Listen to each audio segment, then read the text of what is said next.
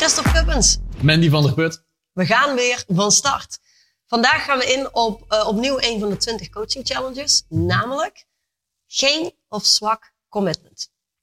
Nu, commitment is een woord wat je in, in Nederland en Vlaanderen, als je het mij vraagt, veel hoort, veel voorbij ziet komen op allerlei social media. Um, maar als je het mij vraagt, wordt het door heel veel mensen in een niet juiste context gebruikt. Sterker nog, de meeste mensen weten niet eens wat het is, wat het echt, echt, echt is. Dat vooral. Ja, vertel. Als je zegt toch dat vooral, vertel. Wat kun, je daarover, eh, wat kun je daarover delen met ons? Um, wat ik altijd verrassend vind is inderdaad, hè, veel mensen spreken over commitment en gooien met dat woord al, alsof het niks kost. En dus de, de, de, waarde van het woord is een soort van verloren. Ja, zoals bij zoveel woorden tegenwoordig. Zoals bij zoveel ja. woorden tegenwoordig. Maar ik zeg wel eens vaker, als ik spreek over commitment en, en ik sta voor mensen die er weinig van hebben gehoord, pak het woordenboek erbij. Hm. En gekeken naar de betekenis van het woord commitment, daar staat bij gelofte. En dat komt voort vanuit hè, aan het altaar staan. En dan ja. verklaar je in goede en in slechte tijden, in ziekte en in gezondheid, in armoede en in rijkdom. Ja. Zou ik vandaar de dag nog kunnen toevoegen en ook als het saai wordt. Want tegenwoordig dan haken mensen ook af. Als het saai wordt. Als het saai wordt. Correct. Um, en dan verder staat er verplichting. Hmm. En verplichting, niet zozeer een verplichting van iemand van buitenaf. Mhm. Want dat is de reden waarom mensen vaak wegblijven bij het maken van een commitment. Want ze zijn bang dat het een, een zwaar iets is, dat het ze energie gaat kosten. Met tegenovergestelde is waar. Hm. Iemand die een echt commitment leert te maken, die gaat merken dat het leven een stuk lichter wordt. En het leven gaat een stuk beter werken. Maar vooral verplichting ten aanzien van jezelf. Daarom vind ik die vertaling wel to the point. Ja. Want het is een verplichting die je naar jezelf maakt. Ik zeg dat ik dit ga doen en ik doe het ook. Vandaar ook die gelofte aan het altaar, wat er ook gebeurt. We blijven bij elkaar. Ik zeg ja op één iemand en nee tegen al de rest. Hmm, dat is tegenwoordig al niet meer zo, uh, Dat klopt. Dat zo klopt. strikt natuurlijk. Oké, dus het verklaart waarom we Mhm. uh, vrij omgaan met, met woorden als commitment. Um, nu, deze videoreeks is de 20 coaching challenges. Ja. Wat maakt een geen of zwak commitment een coaching challenge voor de coach? Ik denk vooral dat het belangrijkste is überhaupt de vraag, dat ding met, kan het zijn dat iemand geen commitment heeft? Hm. Als je het mij vraagt, is het heel simpel. De vraag is altijd, waar heeft iemand de commitment Ja, op? iedereen heeft commitment. Voilà. Alleen dan moet je dus de vraag stellen, maar waarop? Mhm. Want een zwerver op de straat, die heeft ook commitment. Je zou bijna kunnen zeggen, evenveel als een Michael Jordan. Mhm. Alleen op hele andere dingen. En heel veel mensen denken altijd, ja, maar een Michael Jordan of een, een wijle Kobe Bryant of een Lionel Messi of een, een Elon Musk en allemaal die hele grote namen, denken mensen altijd bij, die hebben commitment. Alsof het zo is dat mensen daarmee geboren worden. Maar dat is natuurlijk niet waar. Iedereen heeft commitment. De vraag is waarop. Mhm. En ik denk dat vooral een performance coach moet leren om direct mensen in contact te brengen met wat hun werkelijke commitment is. Oké. Dus op het moment dat we zeggen, een van de coaching challenges is geen of zwak commitment, Mhm. dat betekent niet dat uh, je cliënt geen commitment heeft in het leven, maar het heeft vooral geen of een heel zwak commitment op um, het resultaat waar jij als performance coach naartoe aan het werken bent. Ja. Is dat correct? Ja, ze hebben je ingehuurd en je merkt bijvoorbeeld, laten we zeggen na een maand of twee of na een maand of drie, er is geen resultaat of er is weinig resultaat. Hm. En er wordt wel eens gezegd, is er weinig resultaat, dan is er altijd een leugen. Ja. Is er geen resultaat, dan is er een grotere leugen. ja, exact. Ja. Oké, helder. Um, als we dan kijken naar, naar uh, je bent drie maanden met een cliënt bezig. Mhm. En uh, cliënt of een klant, hoe mensen het ook noemen. Um, vanuit daar kom je erachter, hey, er is nog steeds geen resultaat. Hè? Laten we even het heel erg obvious voor de hand liggende, simpele voorbeeld. Je bent een personal trainer uh, of een health coach en iemand komt bij jou en die persoon wil graag afvallen. Mhm. Nou, dan heb je niet eens drie maanden nodig, maar eigenlijk maar vier weken denk ik om te zien Ja, dat er iets mis is en dat die persoon eigenlijk gewoon niet doet wat nodig is. En op het moment dat je niet doet wat nodig is, ben je niet gecommit. Oké. Okay. Is het voor een performance coach mogelijk om iemand die ogenschijnlijk geen of een zwak commitment heeft, toch extreem gecommit te krijgen om vervolgens resultaat te boeken? De coach kan dat niet doen voor de cliënt. Laten we dat in ieder geval direct duidelijk zeggen. Dus nee, dat gaat niet. Wat wel belangrijk is voor een performance coach, is dat hij iemand in contact kan brengen met wie die daadwerkelijk is. Mhm. Een performance coach kan iemand laten zien wat hij nog niet ziet. Mhm. Maar vooral een performance coach kan iemand daadwerkelijk gaan laten beseffen wat iemand nog niet beseft, waar iemand nog niet van bewust van is. Mhm. Als je mij zou vragen, ja, wat veroorzaakt geen resultaat? Heb je net zelf gezegd. Iemand doet gewoon niet de noodzakelijk vereiste acties. Dus wat te doen om iemand uit zo'n cirkel van geen resultaat te halen? Ja, dat is natuurlijk gedrags te veranderen. Ja. En een commitment in essentie is een verklaring die je gedrag doet veranderen, waardoor je acties gaan aangepast worden. Mhm. En dan heb je een ander resultaat. Helder. Hoe weet je upfront? Want eigenlijk, eigenlijk wat je zegt is, kijk, je hebt, we hebben een hele hoop eh, soorten coaches tegenwoordig. Hè? Je, je vindt ze letterlijk op iedere hoek van de straat. Ehm, althans, mensen die zichzelf coach noemen. Eh, laten we spreken over ehm, eh, niet life coaches en die hoek, maar performance coaches. Mensen die daadwerkelijk met cliënten werken om te komen tot een bepaald resultaat. En niet om zich gewoon goed te voelen. Hoe kun je nou als performance coach op voorhand inschatten of iemand daadwerkelijk gecommit is op het doel, ja of nee? Ik zou bijna willen zeggen dat het heel obvious is, maar voor mij en voor jou is dat obvious, want Mhm. je bent al zo lang aan het werk met Ja. mensen. Ik denk dat het mooiste voorbeeld is de, de consultants natuurlijk bij ons. Mhm. Dat zijn mannen die hebben op een gegeven moment heel veel gesprekken achter de rug. En die beginnen te merken, we krijgen vaak een ja en dan een appje, een mailtje en dan trekken mensen zich toch terug. Ja. Dus die beginnen nu, bij wijze van spreken, als ze dat vaak tegenkomen, al meer en meer gevoel te krijgen en meer en meer te zien, ah, dit viel mij op in het eerste gesprek. Mhm. Dit viel mij op in het gedrag wat iemand vertoonde na ons eerste gesprek. En mensen gaan wat makkelijker verbanden leggen in Mhm. zwak commitment, want dan wordt gedemonstreerd een resultaat. Ja. Hetzelfde met krachtig commitment, dan wordt ook gedemonstreerd een resultaat. Ja. Dus in het begin zul je daadwerkelijk uren moeten maken. En, en Duchan zegt wel eens ooit, you gotta go through the dead to get to the living. Je moet door de dooien gaan om tot de levende te komen. En ik denk dat dat nog altijd het belangrijkste is. Oké. Zou je ook niet kunnen zeggen, eh, of ik ben benieuwd wat jij daarop te zeggen hebt, ehm, of iemand gecommit is, ja of nee, kun je ook horen in iemand spreken. Hè? De, de dingen die iemand zegt of de dingen die iemand niet zegt. Heb jij daar een voorbeeld van? Heb jij iemand waarvan je zegt, nou ja, met deze cliënt ging ik werken en dat stond voor mij bij te kijven. Die was gruwelijk gecommit. En een paar maanden later waren we ook daar op dat punt waar we wilden zijn. Zeker? En dan ook nog graag een voorbeeld van de tegenovergestelde kant. Eh, ja, doet mij denken aan iemand. Ik denk dat ik hem vier jaar geleden heb leren kennen. Was via een andere cliënt van mij. Hij was bij hem dan weer klant. Mhm. En ehm, volgens mij was het zo dat die cliënt, die initiële cliënt van mij, die zei van ik wil dit met een paar mensen met wie ik heel nauw samenwerk wel bespreekbaar maken dat ik dit doe. Dus wil je langskomen? Dus ik ben langs gegaan, een lezing gegeven.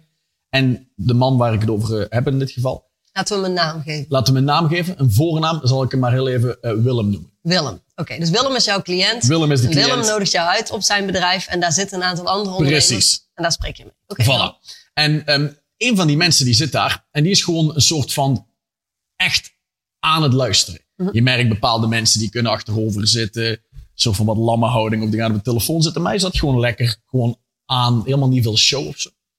En op een gegeven moment doe ik een uitspraak en de uitspraak zat, dat, was dat de wereld nogal leidt aan een ja, Terminale zes- middelmatigheid. terminale middelmatigheid, zo noemde ik het niet. Nee. Maar het was aan het, het, het, het kleine Belg-syndroom.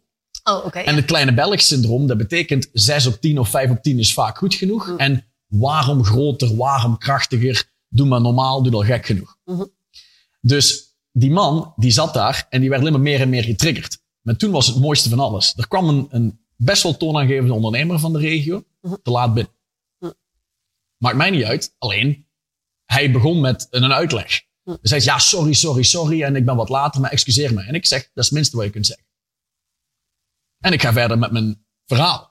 En die man die gaat zo van zitten, een beetje ongemakkelijk. ja. en Hij het- is, hij is waarschijnlijk niet gewend dat mensen zo überhaupt met hem op. Nee, maar ik wist het ook helemaal niet. En Nee. ik doe het er ook helemaal niet toe. Want Nee. als ik geweten had wie het was, had ik net hetzelfde gedaan. Mhm. Alleen voor eh, de cliënt in kwestie, die zei, ja, dit is wel bijzonder hoe dat je hem hebt aangepakt. Want nu zijn we 4,5 jaar verder en we werken nog altijd met elkaar. Mhm.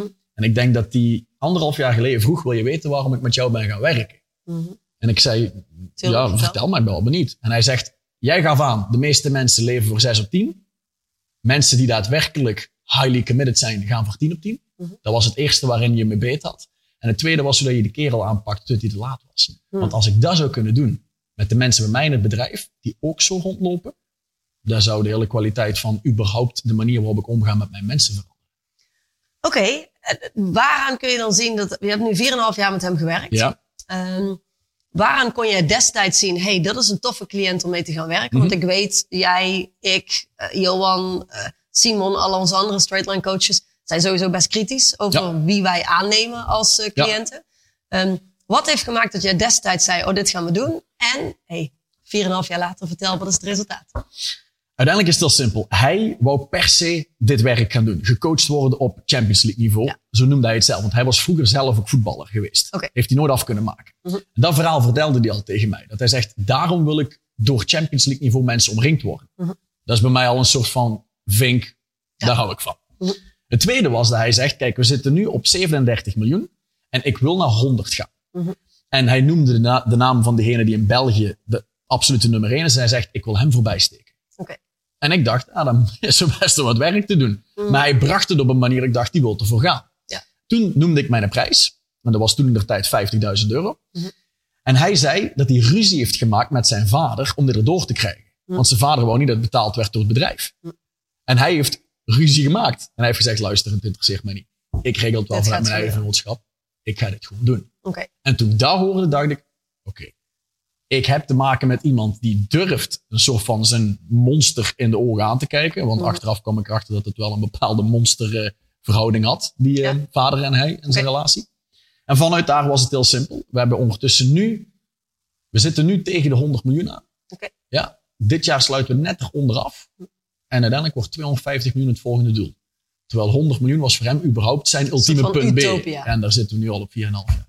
Oké, top, top, Ja. top.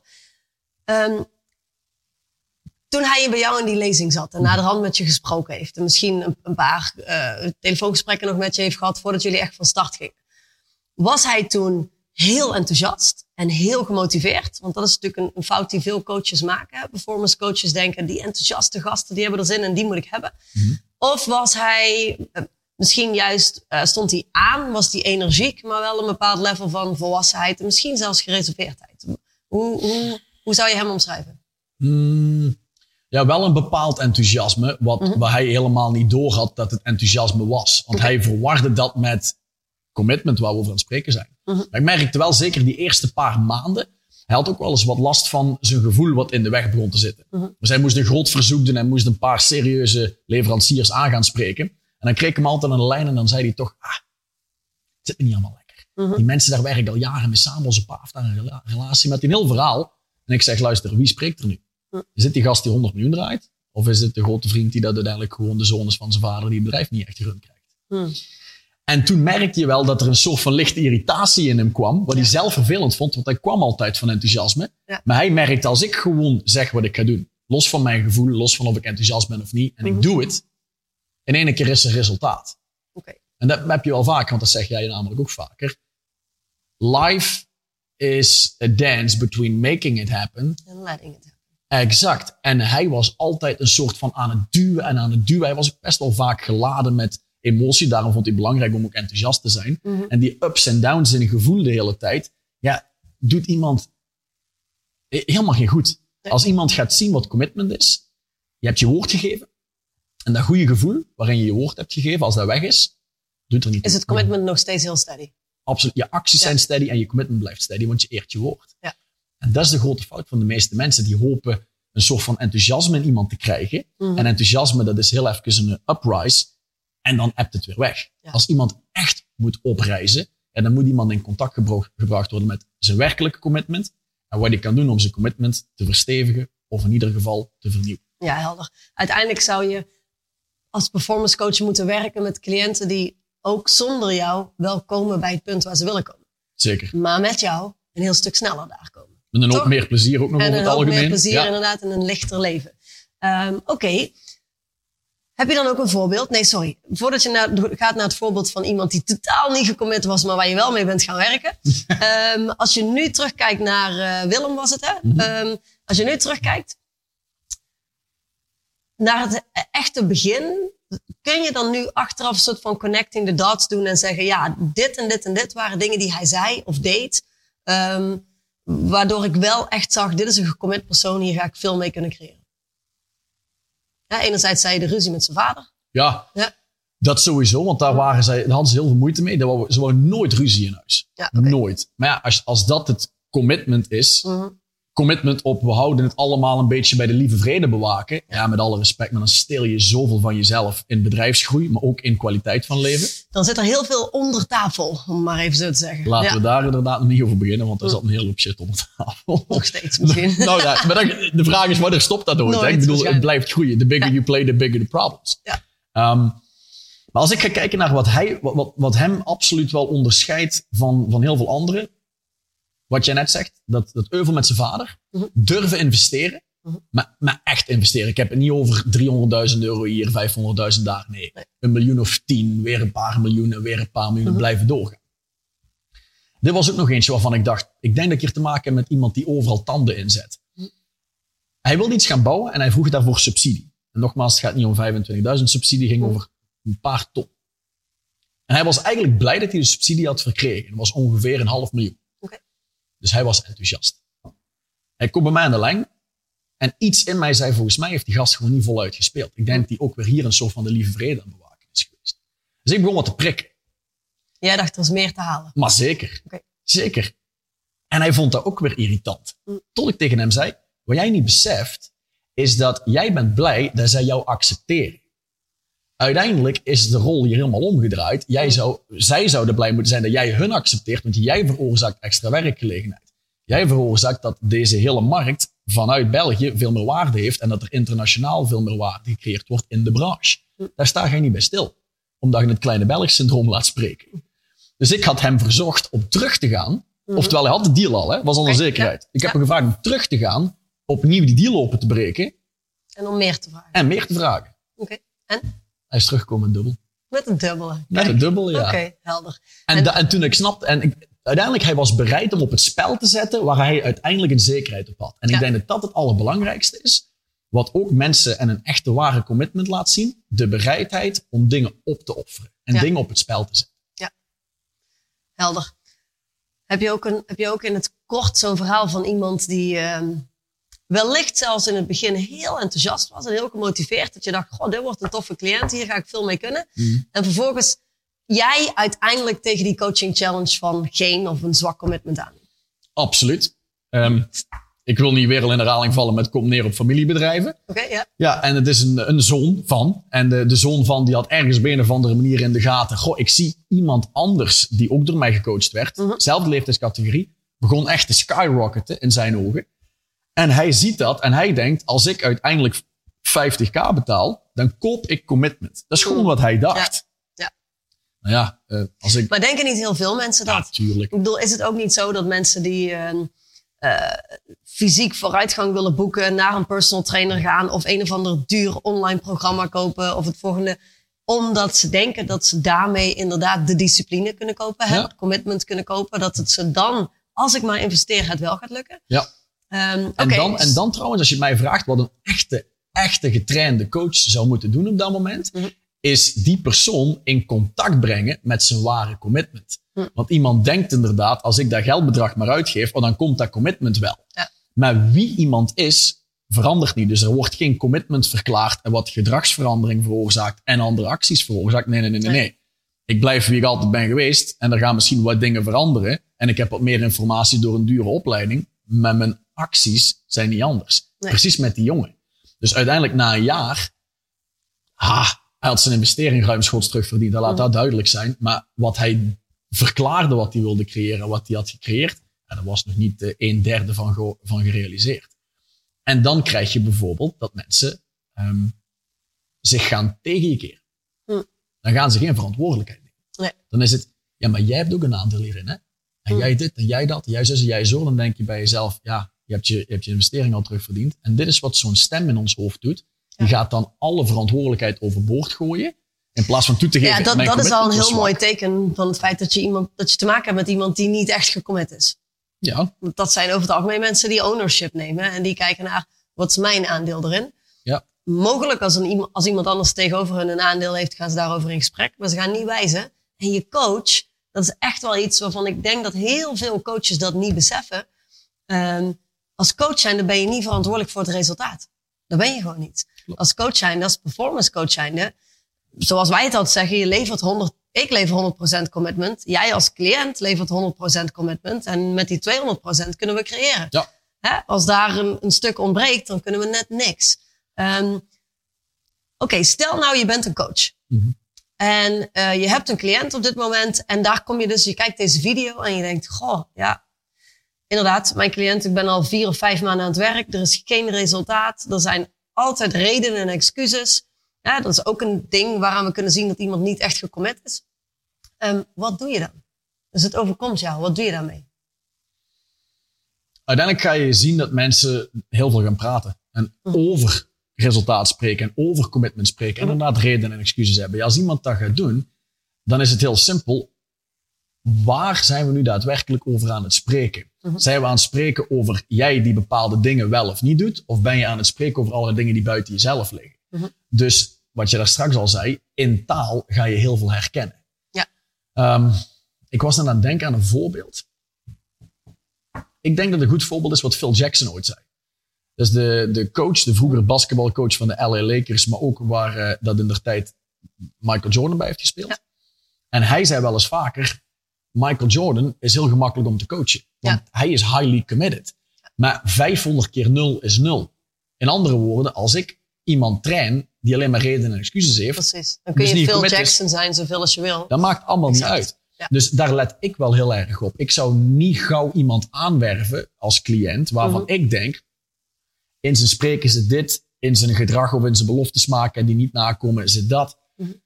Ja, nee, daar ga ik dan gewoon niet mee lopen aankloppen. Nee, precies. Maar stel, en zeker in het verleden, eh, Ja, ook nu kan dat nog steeds gebeuren, dat je toch in een situatie komt. Wat doe je dan als je ziet, verdomme man, hey, er, is, er is uiteindelijk gewoon geen commitment.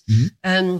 Dat, dat moeten we adressen, dat, dat Ja. moeten we aangaan. Wat, wat doe je? Want stel, je bent een coach, je kijkt hier, hierna en je denkt, oh, dat is inderdaad een coaching challenge waar ik tegenaan loop. Uiteindelijk wil je in staat zijn om mensen in contact te brengen met wie ze daadwerkelijk zijn. Mhm. Dat is wat je wil gaan doen. En vanuit daar wil je mensen laten zien wat ze op dit moment gewoon nog niet zien. En Mhm. dat is dat de redenen en de excuses belangrijker gemaakt worden dan het durven verklaren van wie je gaat zijn en de acties die daarmee gepaard gaan. Mhm. Want als iemand uiteindelijk blijft klagen over al die dingen, dan blijven al die zaken ook in stand. Mhm. En dan is er ook geen verandering in gedrag. En het enige waar een daadwerkelijke performance coach toe in staat moet zijn, is mensen laten zien wie ze zijn. En dat is over het algemeen iemand die veel praat en weinig resultaat boekt. Ja, daar zit je antwoord. De oorzaak zit in de ander. Ja. En daar willen we aan gaan werken. Als performance coach ga je dus in de kern op, op zoek, is misschien niet het juiste woord, maar je gaat kijken naar wat is iemands werkelijke commitment dan wel. Ja. Je gaat kijken naar wellicht, wellicht zit er een verborgen voordeelsyndroom, waar we ook een mooie video over hebben gemaakt. Ehm, daar ga je naar kijken. Wat, wat, is, wat is het belangrijkste? Ik zou zeggen, een van de belangrijkste zaken die je als performance coach ehm, voor ogen moet houden en die heel veel performance coaches heel ongemakkelijk vinden. ehm, is dat je brutaal eerlijk bent met die persoon. Als je eh, in het simpele voorbeeld, er komt een vrouw bij je die wil afvallen, die gaat op de weegschaal staan, zesde week op een rij, geen resultaat. Ehm, ja, ik heb iets met mijn schildklieren en ik heb dit en ik heb dat. Gewoon durven zeggen, oké, hoor jezelf wat er uit je mond komt. Mhm. Laten we nou eens eerlijk gaan kijken naar wat er werkelijk gaat. Dus wat wil je nou echt? Hè? Dat gesprek aangaan. Ehm, dus dat is wat ik zou zeggen als je als performance coach tegen die challenge aanloopt. Je ziet dat iemand geen of heel weinig commitment heeft. Ga dat gesprek aan. Wellicht heeft die persoon commitment op iets anders waar je wel nog iets mee kunt voor die periode dat je in ieder geval met elkaar werkt. Ehm, is er nog iets anders wat jij mee zou willen geven? Ja, uiteindelijk als je gaat kijken naar wat iemand daar moet doen, is inderdaad kunnen confronteren. Maar vooral confronteren met wat is de, zoals wij het noemen, geprogrammeerde toekomst. Mhm. In andere woorden, als dit hele gedrag in stand blijft houden, en dit hele verhaal en de redenen en excuses allemaal blijft eren en in stand blijft houden, en wat gaat dan over dit en zes maanden, over dit en twaalf maanden het gevolg zijn? Ja. Als je spreekt met iemand die wilt afvallen, wat is dan het gevolg? Wat is daarvan het gevolg? Kan iemand geen promotie maken? Blijft iemand last hebben van de pezen van de spieren? Wat is de geprogrammeerde toekomst die over het algemeen ongewenst is als iemand zijn redenen en zijn excuses blijft in stand houden? En daar gaan, laten we zeggen, doorheen prikken Mhm. en iemand in staat stellen om te shiften van zijn inner stance, maar vooral een oprecht commitment te gaan maken. Dat is waar dat een performance coach werkelijk. Helder. Dus in de basis zeggen we, op het moment dat je iemand aan het coachen bent en, en het werkt niet, er is geen resultaat, er is weinig of geen commitment, ehm, dan ga eens heel eerlijk, niet vanuit oordeel, dat is belangrijk, niet vanuit oordeel, maar heel eerlijk, heel rustig, eens een keer een gesprek aan. En wat jij zegt is, ga dan vooral in dat gesprek kijken naar, hey, als je hier niks shift, waar sta je dan over een jaar? Waar sta je dan over twee jaar? Want wat wij zeggen is, uiteindelijk zijn we allemaal toekomstvoorspellers. Ja. Toch? Oké. We kunnen allemaal heel goed voorspellen waar we uitkomen. Als we blijven doen wat we nu doen en blijven zijn wie we nu zijn. Ja, absoluut. Hebben we nog een opdracht voor de, de coaches, de performance coaches die dit kijken of hier naar luisteren? Iets waar ze mee aan de slag kunnen, waardoor ze dit kunnen gaan uh, toepassen. De meest krachtige opdracht die ik kan bedenken is, ga kijken bij je mensen. Mhm. En vooral kijken naar diegenen die dat zeggen een bepaald resultaat te willen behalen. Mhm. En kijk eens naar hun daadwerkelijk gecreëerd resultaat. Mhm. En vooral als je het mij vraagt, diegene bij wie het goed gaat, mooi, dan ben je iets werkbaars aan het doen. Maar vooral eens kijken naar waar creëert men niet de resultaten die men vooropgesteld had. Mhm. En ga inderdaad daar eens kijken naar wat valt mij daarop? Wat heb ik hier gehoord, wat me daarop valt? En ga dat inderdaad eens een keer te lijf. Te En lijf. niet te terughouden. Eén ding is daarin wel heel belangrijk, als je het mij vraagt. En dat is, ga niet heel veel aandacht besteden aan de mensen die weinig commitment hebben. Is dat ook niet de fout die jij in het begin hebt gemaakt? Ik wel in ieder geval. Mensen die weinig of geen commitment hadden, weinig vooruitgang boekten, daar ging ik alleen maar meer en meer en Ja. meer aandacht aan besteden. Wat jij nu zegt is, weet je, kijk eens eerlijk, schrijf eens op met wie je allemaal werkt. De mensen die resultaat boeken, fine, laat het gewoon voor wat het is. De mensen die geen resultaat boeken of weinig resultaat boeken, ga eens echt observeren. Wat is daar nou werkelijk gaande? Precies. En ga het aan. Zonder daar uren van aandacht aan Ja, te want dan ga je ze weer willen redden. En dat is over het Exact. algemeen inderdaad wat jij ook zegt. Dat heb ik zeker in het begin gehad. Ja. Mensen willen redden, nog meer aandacht besteden. En dat is hetzelfde als je auto vastrijdt in de modder en meer gas geven. Kom alleen maar dieper te zitten. Hmm, dat is een goede om mee af te sluiten, dankjewel. Bij de serie van de 20 coaching challenges hoort een document. In dat document vind je alle opdrachten terug. Ga naar innerstance.com, download het document en ga aan de slag met alles wat je vandaag weer hebt geleerd.